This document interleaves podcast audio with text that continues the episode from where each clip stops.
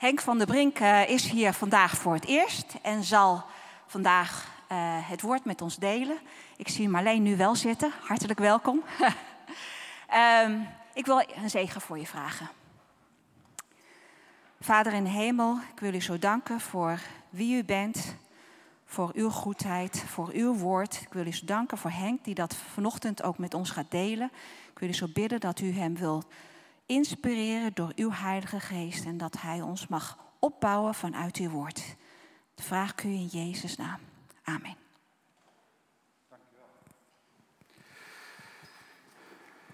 Wat een mooi getuigenis. Dank jij ook wel. En eigenlijk heb ik dat ook een beetje nodig om, zeg maar, te horen hoe het in de praktijk soms kan gaan. Maar laat ik even iets eerst van mezelf vertellen. Ik ben Henk van der Brink, dat werd net al gezegd. Ik uh, woon in Bennekom. Uh, ik ben getrouwd met Willemien. En ik heb, uh, zij is mijn tweede vrouw. Mijn eerste vrouw is een aantal jaren geleden overleden aan kanker. Ik heb vier kinderen en acht kleinkinderen. En uh, ik ben jarenlang, uh, misschien weten jullie dat nog, uh, of kennen jullie die gemeente wel, lid van de Regenboog in Veenendaal geweest. Ik heb begrepen dat de, de, gemeente hieruit voortgekomen is, uit deze gemeente. Dus het is bijzonder om voor morgen in jullie midden te mogen zijn. Um, waar wil ik mee beginnen? Ja, ik heb hier een, een klein spiegeltje.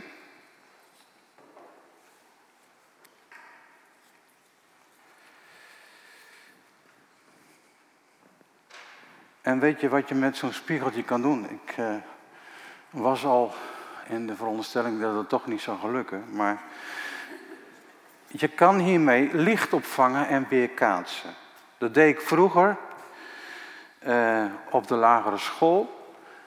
Uh, zat ik mijn medeleerlingen soms wel eens te verblinden met, met zo'n spiegeltje. En dan stiekem, als de meester het niet zag, zeg maar, uh, tot aan het moment dat ik ontdekt werd, had ik vrij spel. En wat is nou de kunst? De kunst is nou om dat licht te vangen en dat tegelijkertijd te weerkaatsen naar degene die jij dus eigenlijk een beetje wil pesten. Nou, dat is zeg maar ook iets, maar dan in positieve zin waar ik het vanmorgen met jullie over wil hebben. Want wat is een, een spiegel? Wat is dat eigenlijk? Uh, ik moet hem eventjes aanzetten, denk ik.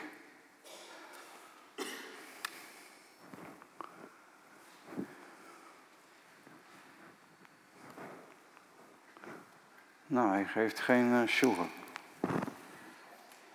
En ik heb hem toch echt aan.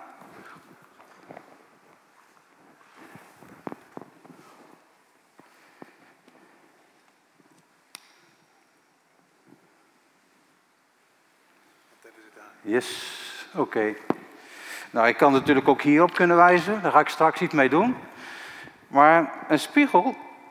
De eerste spiegels waren niet van glas, zoals deze, maar van gepolijst koper of zilver. En tegenwoordig bestaan ze uit een stuk glas met een zilver- of chroomlaag. En hoe dikker de zilver- of chroomlaag, hoe helder de weerspiegeling. Nou, en de Bijbel die zegt tegen ons in 2 Korinthe 3, vers 18, dat wij de heerlijkheid van God weerspiegelen. Dus wij zijn dan dus een spiegel. En omdat de gelovigen, wij als gelovigen Jezus hebben leren kennen en met hem omgaan in een persoonlijke relatie, zijn wij ook in staat om hem te weerspiegelen. Het weerspiegelen van Gods heerlijkheid heeft twee kanten. Net als dat kleine spiegeltje. Gods beeld proberen te vangen hem leren kennen en dat weer kaatsen naar de ander om ons heen. Wij gelovigen laten de wereld zien wie God is. Als mensen naar ons kijken, zouden ze Jezus moeten zien. De mensen die wij ontmoeten zouden aan ons moeten kunnen zien dat Christus de mooiste, de heerlijkste, de genadigste, de barmhartigste is. Maar is dat zo? Waarom zie ik daar dan zo weinig van terug? Waarom kom je nou, waar kom je nou christenen tegen die zo stralen dat de heerlijkheid van God er bij hun van afspat? Maar laat ik bij mezelf blijven. Wie spiegel ik de heerlijkheid van God? Kun je aan mij zien dat ik God ken? Dat zijn lastige vragen die nogal subjectief oordeel uitlokken. Wat voor de een duidelijk waarneembaar is, is voor de ander niet zo duidelijk. En laat het eens van een andere kant bekijken. Ik zou zo graag willen dat mijn broer de Heer Jezus leert kennen. Ik zou zo graag willen dat mijn schoonzus de Heer leert kennen. En mijn buren. En misschien heb jij ook wel familieleden, buren of collega's, kennissen die je zo graag gunt dat zij de Heer Jezus leren kennen. Maar de realiteit van elke dag is dat niet iedereen staat te springen om God te leren kennen. Nee, veel mensen moeten niets van hem weten. Hoe komt het dan? Waarom is er zo weinig te zien van de heerlijkheid van God in ons leven? Terwijl de Bijbel toch echt zegt dat die heerlijkheid ons gegeven is. En om daar een antwoord op te krijgen, moeten we de tekst van Paulus wat beter gaan bestuderen. En ook de context en de verwijzingen hierin naar het Oude Testament bekijken. Nou, eerst de tekst. 2 Korinthe 3, vers 18. Ik lees die in de vertaling van de MBG. En wij allen, die met een aangezicht waarop geen bedekking meer is, de heerlijkheid des Heeren weerspiegelen, veranderen naar datzelfde beeld van heerlijkheid tot heerlijkheid. Immers door de Heere die geest is. Uh, niet elke vertaling heeft dit zo vertaald. Anderen spreken over het zien van de heerlijkheid van God. Als in een spiegel, voegt de MBV toe. In een poging om beide betekenissen te gebruiken. Het Griekse woord wat hiervoor gebruikt wordt, laat inderdaad beide mogelijkheden toe. Maar het weerspiegelen past beter bij zowel de zinsconstructie als ook bij de context. En daarbij komt bij dat het weerspiegelen van de heerlijkheid van de Heer ondersteund wordt door een uitspraak van Jezus zelf. In het evangelie van Johannes zegt de Heer Jezus in wat we kennen als het priestelijk gebed...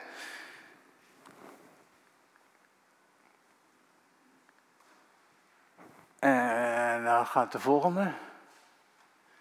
En ik heb hun de heerlijkheid gegeven die u mij gegeven hebt. Opdat zij één zijn zoals wij één zijn. Ik in hen en u in mij, opdat zij volmaakt zijn en opdat de wereld erkent dat u mij gezonden hebt en hen lief gehad hebt zoals u mij hebt lief gehad. Het staat er dus echt. Wij hebben de heerlijkheid van Jezus gekregen.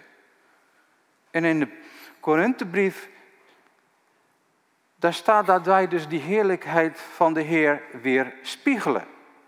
En om beter te begrijpen wat Paulus hiermee bedoelt, gaan we die context met elkaar lezen.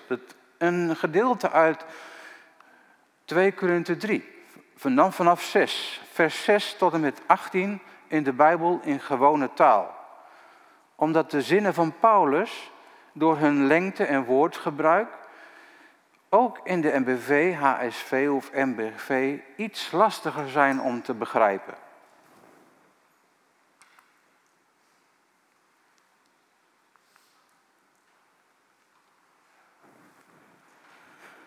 God heeft mij geschikt gemaakt om zijn dienaar te zijn. Ik moet vertellen over zijn nieuwe afspraak met de mensen. Het gaat nu niet meer om de regels die vroeger opgeschreven zijn, maar om de Heilige Geest. Want de regels van de wet brachten uiteindelijk de dood, maar de Heilige Geest brengt leven. De regels van de wet waren geschreven op twee stenen platen. Die regels lieten zien dat de mensen wel straf verdienden Zo bracht de wet uiteindelijk de dood. En toch kwam de wet op aarde met een schitterende glans. Want toen Mozes de wet meebracht, had zijn gezicht een hemelse glans. De Israëlieten konden er niet naar kijken. Maar dat was een glans die weer zou verdwijnen. Als de wet al zo'n glans met zich meebracht, dan doet de Heilige Geest dat natuurlijk helemaal. Want de Heilige Geest is gekomen als teken dat wij gered zullen worden. En de hemelse glans die daarbij hoort, die is veel en veel schitterender dan de glans van Mozes. De hemelse glans die het volk Israël zag, was al heel bijzonder. En toch was die glans niets vergeleken bij de glans die wij nu zien. Want de glans die de wet meebracht, moest weer verdwijnen. Maar de hemelse glans die met Christus gekomen is, verdwijnt nooit. Ik vertrouw erop dat de glans die met Christus gekomen is, nooit verdwijnt.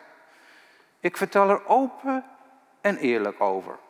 Ik doe niet als Mozes, die deed een doek voor het zijn gezicht. Hij wilde niet dat de Israëlieten zouden zien dat de glans op zijn gezicht weer verdween. Want dan zouden ze begrijpen dat de wet ook niet zo, altijd zou blijven gelden. De Israëlieten hebben de heilige boeken nooit goed kunnen begrijpen. En ze begrijpen ze die nu nog steeds niet goed. En dat lukt pas als ze in Christus gaan geloven. Ook nu nog begrijpen de Israëlieten het niet goed als er voorgelezen wordt uit de wet van Mozes. Het lijkt wel alsof er een doek over hun verstand ligt. Maar telkens als er iemand gaat geloven in de Heer, wordt die doek weggehaald. Want wie gaat geloven in de Heer, ontvangt de Heilige Geest. En de Heilige Geest maakt mensen vrij, zodat ze alles kunnen begrijpen. Wij, christenen, zijn dus vrij. Wij hebben geen doek voor ons gezicht. Daar onze gezichten laten iets zien van de hemelse glans van de Heer. Want wij veranderen in nieuwe mensen. Wij gaan steeds meer lijken op onze hemelse Heer. En daar zorgt de Heilige Geest voor.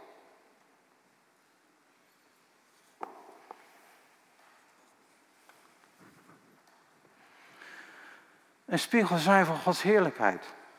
Wat betekent dat? De heerlijkheid van God weerspiegelen. Paulus die begint in vers 6 met de stelling dat hij dienaar is van het nieuwe verbond. En dat nieuwe verbond, dat is zo verheerlijker dan het oude verbond vanwege de werking van de Heilige Geest. Want de regels van het oude verbond, die werden immers uiteindelijk leiden die tot de dood. Omdat we deze regels nu eenmaal niet kunnen houden. Maar de geest wel. Die brengt uiteindelijk ons tot leven, dat het, het leven dat God voor ons bedoeld heeft. En dat is in wezen het vertrekpunt van Paulus. Vervolgens stelt hij in het oude verbond weliswaar de dood bracht, maar dat ze tegelijkertijd een geweldige hemelse glans en heerlijkheid met afkwam, een hemelse glans op zijn gezicht had. Hij zegt, als het oude verbond al tot zoiets in staat was, hoeveel groter en schitterender zal dan de glans en de heerlijkheid van God onder het nieuwe verbond zijn. De glans die Mozes had verdween, maar de hemelse glans die met Christus gekomen is, blijft. Deze verdwijnt nooit. Mozes deed een doek over zijn gezicht, zodat de Israëlieten de glans niet zouden zien. Want ze waren er niet alleen bang voor, maar mochten ook niet weten dat deze zou verdwijnen. En dan maakt Paulus een perspectiefwisseling. Door te stellen dat niet Mozes een doek over zijn gezicht heeft, maar dat de Israëlieten tot op de dag van vandaag zelf een doek, een sluier dragen, waardoor ze de boeken van Mozes, de Torah, de wet, niet goed begrijpen. Die doek en die sluier, die de werkelijke betekenis van de wet voor hun verhult, kan alleen door het geloof in Christus worden weggenomen. Maar pas op. Om meewarig naar de Israëlieten te kijken, omdat zij een bedekking dragen. zodat ze Gods heerlijkheid door hen niet gezien kan worden. Iedere ongelovige mist ook de heerlijkheid van God. Want zegt Paulus niet in Romeinen 3, want allen hebben gezondigd en missen de heerlijkheid van God? Toen de mens werd geschapen, bezat hij die heerlijkheid van God. Want hij was immers geschapen naar het beeld en gelijkenis van God. Hij was dus niet naakt, maar bekleed met Gods heerlijkheid. En die heerlijkheid die verdween toen de mens had gezondigd. En pas als je tot geloof komt, ontvang je de Heilige Geest en word je weer bekleed. Want zegt Paulus ook niet in Galaten 3, want allen die in Christus Jezus gedoopt zijn, hebt u met Christus bekleed? De Heilige Geest maakt je dan pas echt duidelijk wat God bedoelt in zijn woorden en hoe je zou moeten leven. En het geeft ook de kracht om God te gehoorzamen. En zijn eindconclusie is dan de tekst waar we net mee zijn begonnen. Wij christenen zijn dus vrij. We hebben geen doek meer voor ons gezicht. Die is in Christus weggenomen. Het Griekse woord wat hiervoor is gebruikt is apocalyps en betekent onthulling, eh, openbaring. Je ziet weer wat eronder zit. Onze gezichten laten iets zien van de hemelse glans van onze Heer. Sterker nog, wij veranderen. Wij gaan steeds meer lijken op onze hemelse Heer. Daar zorgt de Heilige Geest voor, die in ons leven werkzaam is. Zo, dit is de theorie. En nu de praktijk. Hoe kan het dan dat wat er in de Bijbel staat over de glans van Gods heerlijkheid, die ik door het geloof zou hebben ontvangen, niet ervaar? Waarom zien de mensen met wie ik in contact kom dan niet dat ik een gelovige ben en dat ik de heerlijkheid van God weerspiegel? Om daar een antwoord op te krijgen, zoomen we in op het voorbeeld dat Paulus beschrijft over die hemelse glans die Mozes had toen hij de berg afkwam. En daar lezen we over in Exodus 34.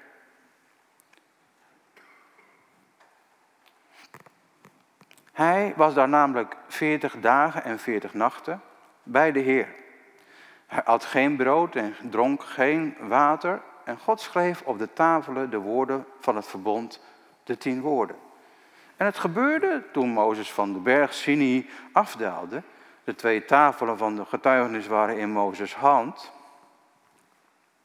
Toen hij van de berg afdaalde, dat Mozes niet wist dat de huid van zijn gezicht glansde, omdat de Heer met hem gesproken had. Nou, in deze tekst zien we nou wat de oorzaak van die hemelse glans was, die Mozes op zijn gezicht kreeg. Mozes had met God gesproken. Is het zo simpel? Je praat met God en je gezicht gaat stralen. Ja, maar ik praat al zo lang met God. En ik heb niet de indruk dat mijn gezicht nou zo straalt van die heerlijkheid van God. Hoe zit dat dan? Trouwens, ook bij Mozes zelf klopt die stelling niet helemaal, want vanaf zijn roeping bij het brandende braambos weten we dat Mozes regelmatig met God sprak. En toch staat pas hier dat zijn gezicht straalde omdat hij met God had gesproken. Wat is dan het verschil? Dat Mozes op de berg is geweest? Moeten wij dan ook eerst de berg op om te kunnen stralen van Gods heerlijkheid? Maar ook deze stelling gaat niet altijd op. Want Mozes is twee keer de berg op geweest. Je zou verwachten dat Gods heerlijkheid, op zijn, of op zijn minst Gods heiligheid, op zijn gezicht zichtbaar zou worden. Op het moment dat hij na de eerste keer de berg afdaalde. Omdat het volk had gezonden, gezondigd en het gouden kalf rondom het gouden kalf had gedanst. Maar nee, niets van dit alles. Wat maakt het dan dat Mozes gezicht bij de tweede afdaling wel straalde? Omdat er tijdens het tweede bezoek van Mozes iets bijzonders was gebeurd. Het volk had gezondigd, ze hadden zich een eigen beeld van God gemaakt. het gouden kalf en waren daarvoor gaan dansen. God was boos geworden en wilde zelfs de Israëlieten vernietigen en met Mozes opnieuw beginnen. Hij wilde zelfs dat Mozes niet tussen beiden kwam. Zo boos was God. Mozes deed dat wel, waarop de Heer spijt kreeg van zijn wens om het volk te vernietigen. Mozes gaat naar beneden en wordt bij de aanblik van het dansende volk zo woedend dat hij de twee stenen tafels stuk gooit. Mozes straft het volk, waarop 3000 man sterft. En opnieuw pleit Mozes voor de Israëlieten bij God. Want God gaf Mozes de opdracht om met het volk naar Canaan te gaan, maar wilde zelf niet meer mee. Maar Mozes die weigert te vertrekken, zodat, zonder dat de Heer zelf meegaat. En nadat Mozes, God Mozes opnieuw ter wille is en belooft dat hij zelf ook met het volk mee zal gaan, vraagt Mozes of hij Gods heerlijkheid mag zien. En God geeft ook daaraan toe, maar wel onder bepaalde voorwaarden. Mozes moet op de berg naar een bepaalde grot gaan. Terwijl God voorbij komt, zal Gods hand Mozes bedekken om hem te beschermen tegen het schitterende licht waarin God is gehuld. Hij mag God alleen van achteren zien, want geen mens kan de directe aanblik van Gods aangezicht verdragen. Maar dat is nog niet alles. Tijdens het voorbijgaan proclameert God wie Hij is. Zijn naam noemt Hij twee keer en een aantal van zijn eigenschappen. We lezen dat in het begin van hetzelfde hoofdstuk, Exodus 34. En dan de versen 5 tot 7. Toen daalde de Heer neer in een wolk, ging daar bij hen staan en riep de naam van de Heer uit. En toen de Heer bij hem voorbij kwam, riep hij, Heere, Heere, God, barmhartig en genadig, geduldig en rijk aan goede tierenheid en trouw. Die goede tierenheid blijft bewijzen aan duizenden. Die ongerechtigheid, overtreding en zonde vergeeft, maar die de schuldige zeker niet voor onschuldig houdt en de ongerechtigheid van de vaders vergeldt aan de kinderen en kleinkinderen tot in het derde en vierde geslacht. Nou hoor ik jullie inwendig protesteren. Dit kan geen voorwaarde zijn om Gods heerlijkheid te kunnen weerspiegelen. Want Mozes is de enige in de Bijbel die dit heeft meegemaakt. Terwijl Jezus en Paulus in het Nieuwe Testament beweren dat alle gelovigen de heerlijkheid van de Heer weerspiegelen. Alhoewel, ondanks de beschermende maatregelen van God, de uitwerking van Gods heerlijkheid op Mozes zonder meer effect zal hebben gehad, gaat het denk ik niet primair om de fysieke invloed. Het gaat om de confrontatie, om het geconfronteerd worden met de identiteit van God zelf. Hij, de heilige God, die een ontoegankelijk licht bewoont, die woedend is op de Israëlieten, tempert zijn voorspraak van Mozes en het volk en, en is het volk genadig en Mozes. Hij is naar hen toe barmhartig, geduldig, vol van goedheid en trouw. Hij is degene die ondanks de zonde van het volk toch bij hen wil zijn. Dat is ook de betekenis van Gods naam, die twee keer door hem wordt uitgesproken. Jawel. Hij die er is, die daarbij wil zijn en je niet in de steek laat, maar zijn liefde laat prevaleren boven zijn heiligheid. Dat besef. Wie God in werkelijkheid is. Hij is zowel heilig als liefde. Daar werd Mozes door deze gebeurtenis intens van doordrongen. Het raakte hem diep zo dicht bij God te zijn geweest. En hem zo te leren kennen. Heeft zo'n effect op Mozes dat hij gaat stralen. En als het ware ook Gods heerlijkheid gaat weerspiegelen. En dat laatste, dat geldt dus ook voor ons. Je gaat niet naar elk schietgebedje stralen van Gods heerlijkheid. En ook niet naar een serieuze stille tijd. Je gaat pas stralen als je persoonlijk ervaart wie God voor jou is. Als je diep geraakt wordt door wie God werkelijk is. Als Hij je vergeeft. Als Hij je genadig is. Geduld met je heeft.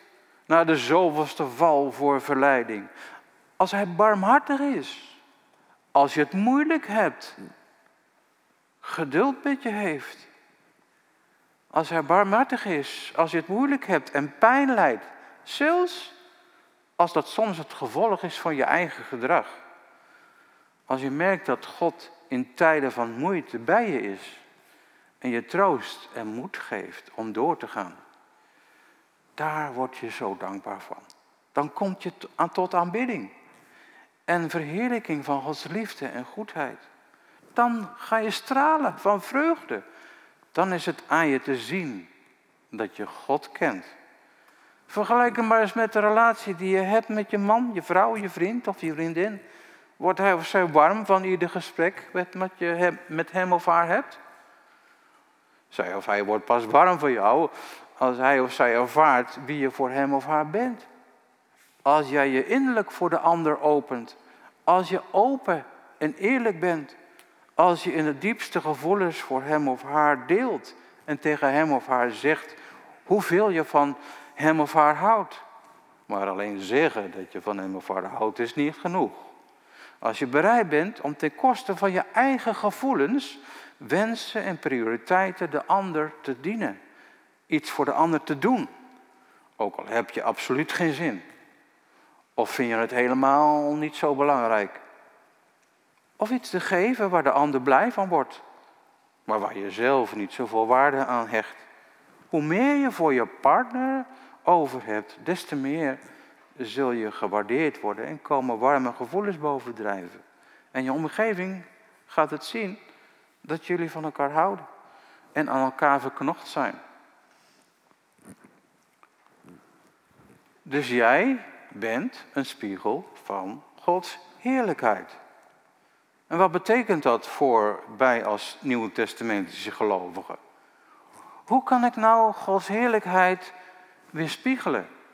Wat is nou daarvoor nodig? Wat moet ik nou doen? Kan ik überhaupt iets doen?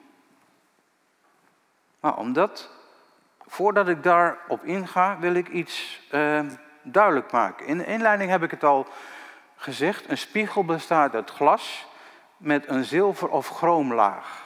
Hoe dikker de laag, hoe scherper en hoe duidelijker de weerspiegeling van het beeld.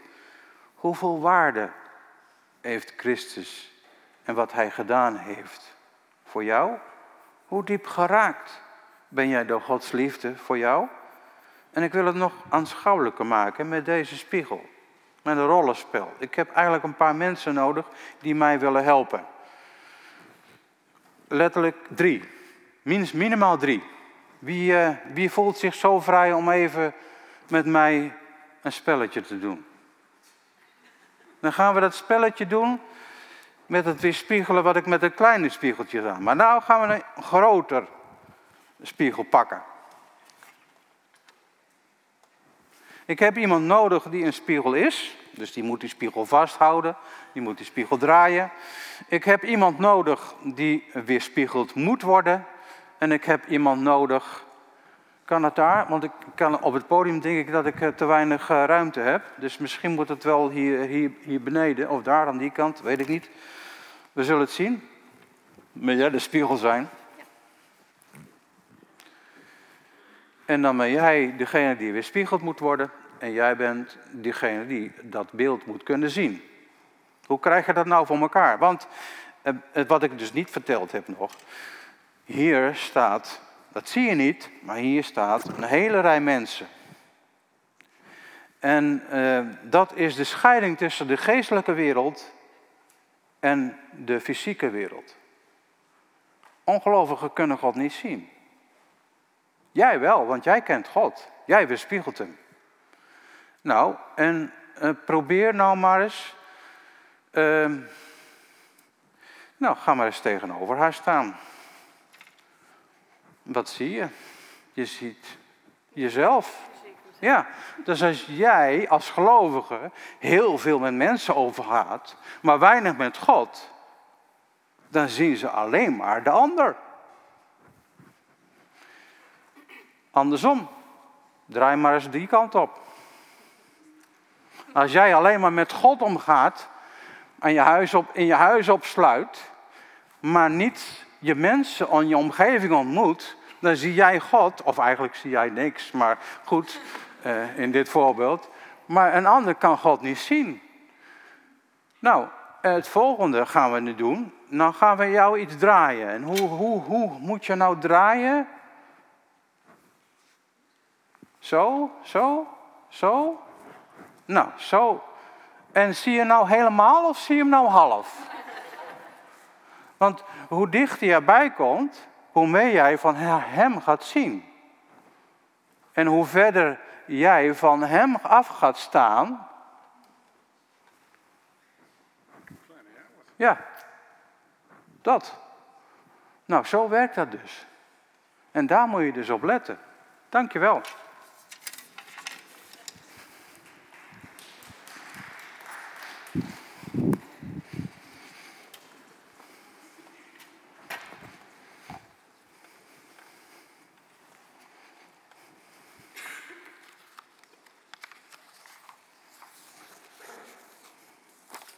Wanneer wordt Gods liefde dan zichtbaar en Gods heerlijkheid?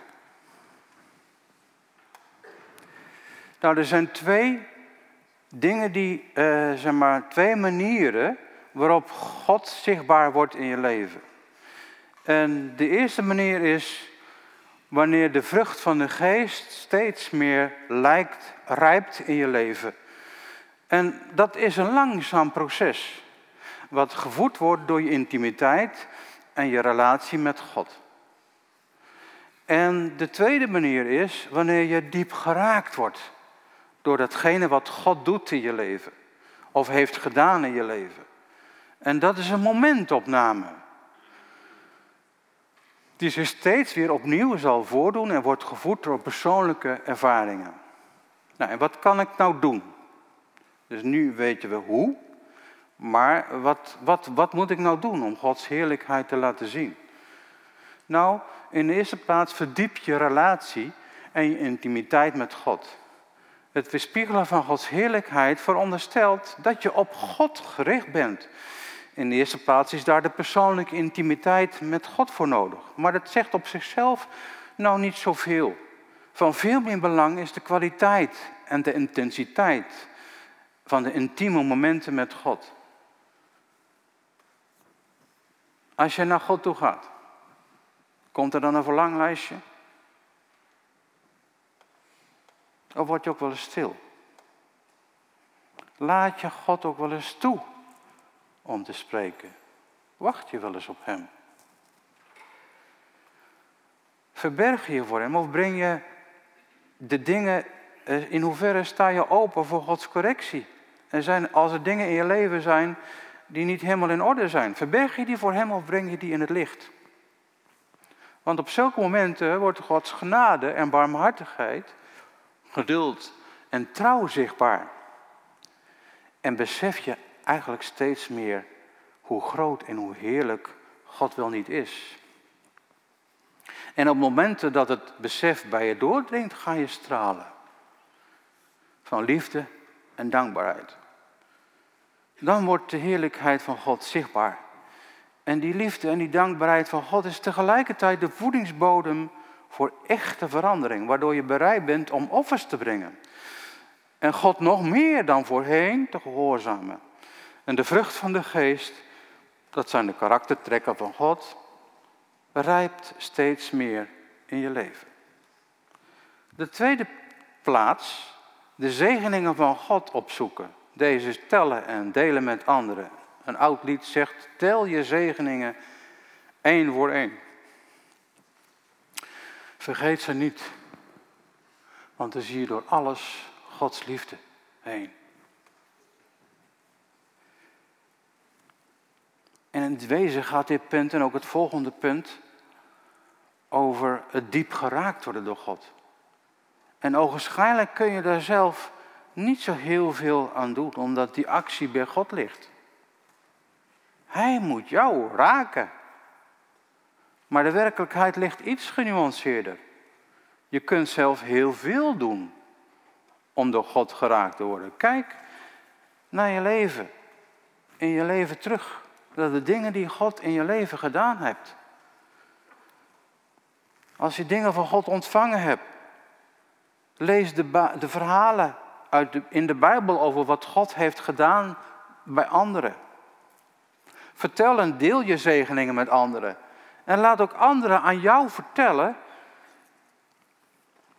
wat God gedaan heeft. Daarom was ik zo blij met het getuigenis van Anke. Zij vertelde wat God in haar leven gedaan heeft. Zij liet zien, als je Gods stem hoort en die gehoorzaamt, dat God je gaat gebruiken. En dat zijn heerlijkheid op wat voor manier dan ook gezien wordt door anderen. En als je die dingen opzoekt in je leven, dan raak je onder de indruk van God. Dan vergeet je het niet meer. Dan denk je weer, oh ja, toen en toen. Dan word je door God diep geraakt. En dan ga je stralen en zijn heerlijkheid weerspiegelen. Nou, en de derde manier, die uh, doet het dan eventjes niet. Nou. Ga God meer en actief bidden, aanbidden. Hierbij bedoel ik niet fijne liedjes zingen.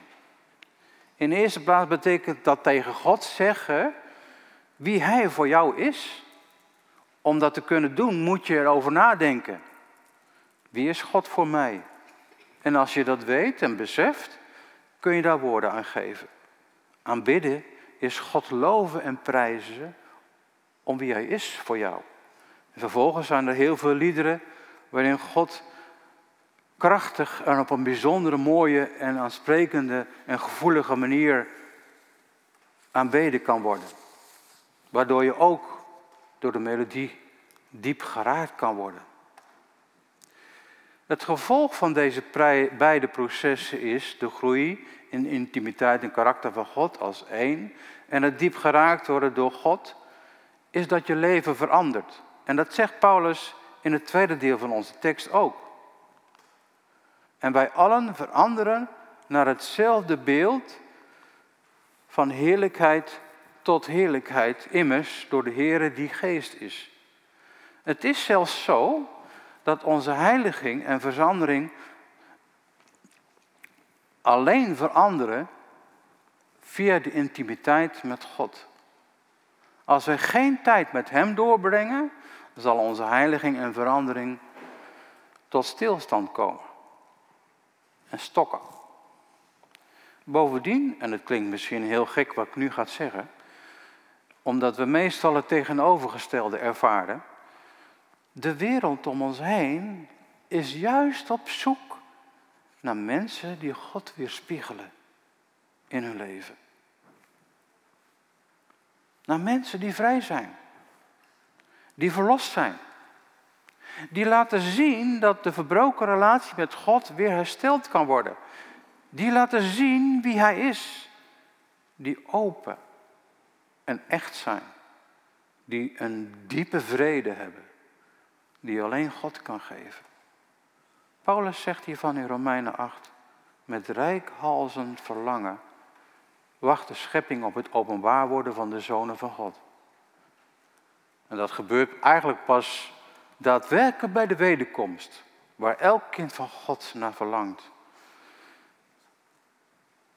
Maar elk kind van God laat die eersteling als eersteling in meer of mindere mate zien via de weerspiegeling en de heerlijkheid van God, hoe dat straks zal zijn. Als een soort voorafschaduwing. Het rijk van God, dat komt. Nu zucht de schepping nog, maar ze zal eens bevrijd worden als Jezus terugkomt. Kijk maar naar de christenen, de zonen, de kinderen van God. Aan hen kun je al het een beetje zien. Wij kunnen aan onze medemensen vertellen wie Jezus is en dat Hij de weg heeft vrijgemaakt naar God de Vader.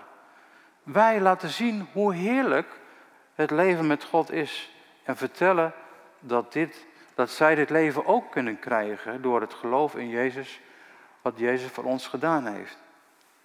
Nu is het nog maar ten dele.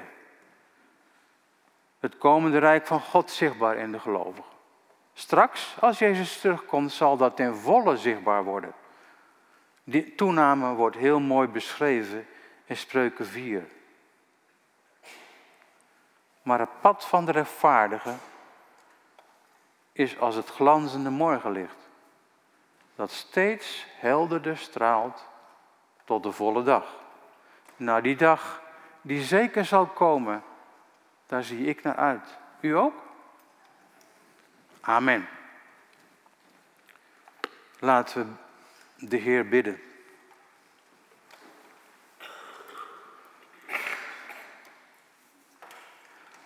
Vader in de hemel, we zijn u zo dankbaar dat we u mogen leren, hebben leren kennen door het geloof. Help ons, Heer.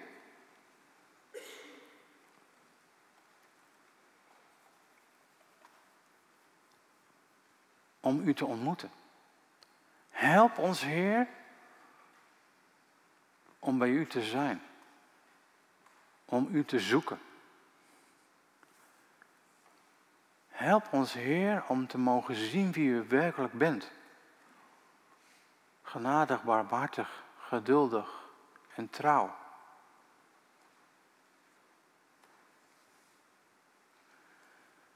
En help ons, Heer, om dat beeld van wie u bent vast te houden. Help ons om dat zo vast te houden dat we enthousiast zijn en blijven voor de kracht van uw liefde. Vervul ons met uw Heilige Geest. Leid ons naar de mensen toe die u nodig hebben. Aan wie we iets van uw liefde, uw genade, uw barmhartigheid en uw trouw kunnen laten zien. Gebruik ons, Heer.